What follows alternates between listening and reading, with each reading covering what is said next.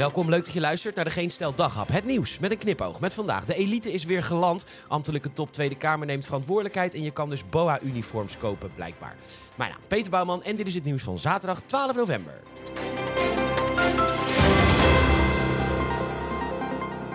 De complete ambtelijke top van de Tweede Kamer is opgestapt omdat het volgens de griffier niet meer mogelijk is om als werkgever een veilige werkomgeving te kunnen bieden.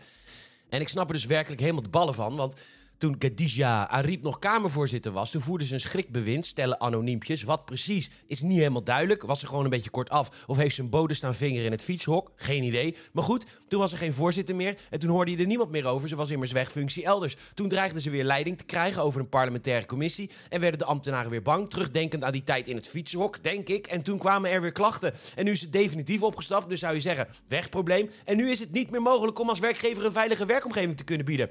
Volgens de huidige Kamervoorzitter, ja, is een goeie hoor, die komt er wel, mark my words, is het ook de schuld van de media. Want zo quote de T, wordt bijna alles verdacht gemaakt. Ja, nou nee, Ariep wordt verdacht gemaakt door anonieme melders zonder dat we weten wat dan precies. En ja, daar stellen de media dan vragen over, want je bent de Tweede Kamer. Ja, ik zou er wel weer te dom voor zijn en ik zal vooral geen vragen meer stellen, want de enige vraag die hier echt toe doet, daar weten we het antwoord al op.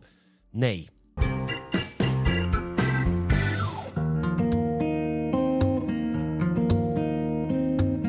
De Sint is weer in het land. En kijk, allereerst, Sinterklaas is echt geen man van het volk. Je zou hem echt niet zien staan juichen in een overvolle kuip. Als hij op bezoek komt, dan loopt hij schaamteloos linea recta naar die grote stoel in het midden van de kamer. En als je tegen hem zegt, goed heilig man, dan zal hij nooit zeggen van, nou, goed heilig man, dat is misschien iets te veel kwalificatie. Nee hoor, hij vindt dat zelf eigenlijk ook wel. Hij heeft niet eens de pretentie. Hij stelt misschien één vraag in een conversatie. Hooguit, nou Jelmer, hoe is het met je? Jelmer kan amper een antwoord geven of de Sint onderbreekt hem. Nou, zing maar even een liedje voor Sinterklaas. Vriendschappen koopt hij af met cadeaus. Ja, er is niks volks aan de Sint. Hij hoort bij de elite. Dolf Jansen, Sander Schimmelpenninck, Sint-Nicolaas. Natuurlijk zijn dat mensen die heel veel vliegen. En natuurlijk zijn dat mensen die het helemaal niet erg vinden om extra te betalen voor een vliegticket. Deze mensen hebben namelijk geld zat. Alleen van deze drie elite voorbeelden is er maar één die er niet schijnheilig belerend over doet en armere mensen daarmee kleineert. En daarom houdt iedereen zo van die megalomane, beetje seniele, maar o zo goud eerlijke, goed heilig man, Sint-Nicolaas.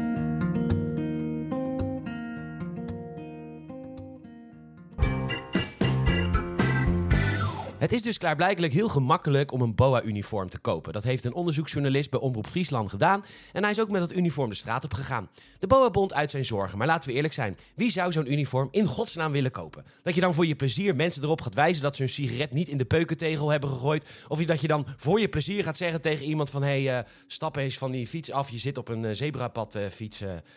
Wie zou dat gratis en voor niks voor zijn plezier doen? En dan een boekje pakken en dan wat iets, iets opschrijven. Weet je wat je ook gewoon online kunt kopen? Zo'n pak met leren riempjes en een dildo in je reet. Loop je echt minder voor lul.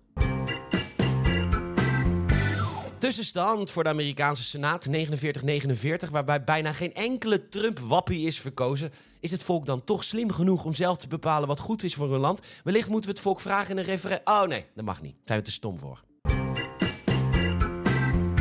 Bedankt voor het luisteren. Zou zo enorm helpen als je een vriend of vriendin of familielid vertelt over deze podcast. Doe dat nu even een WhatsAppje.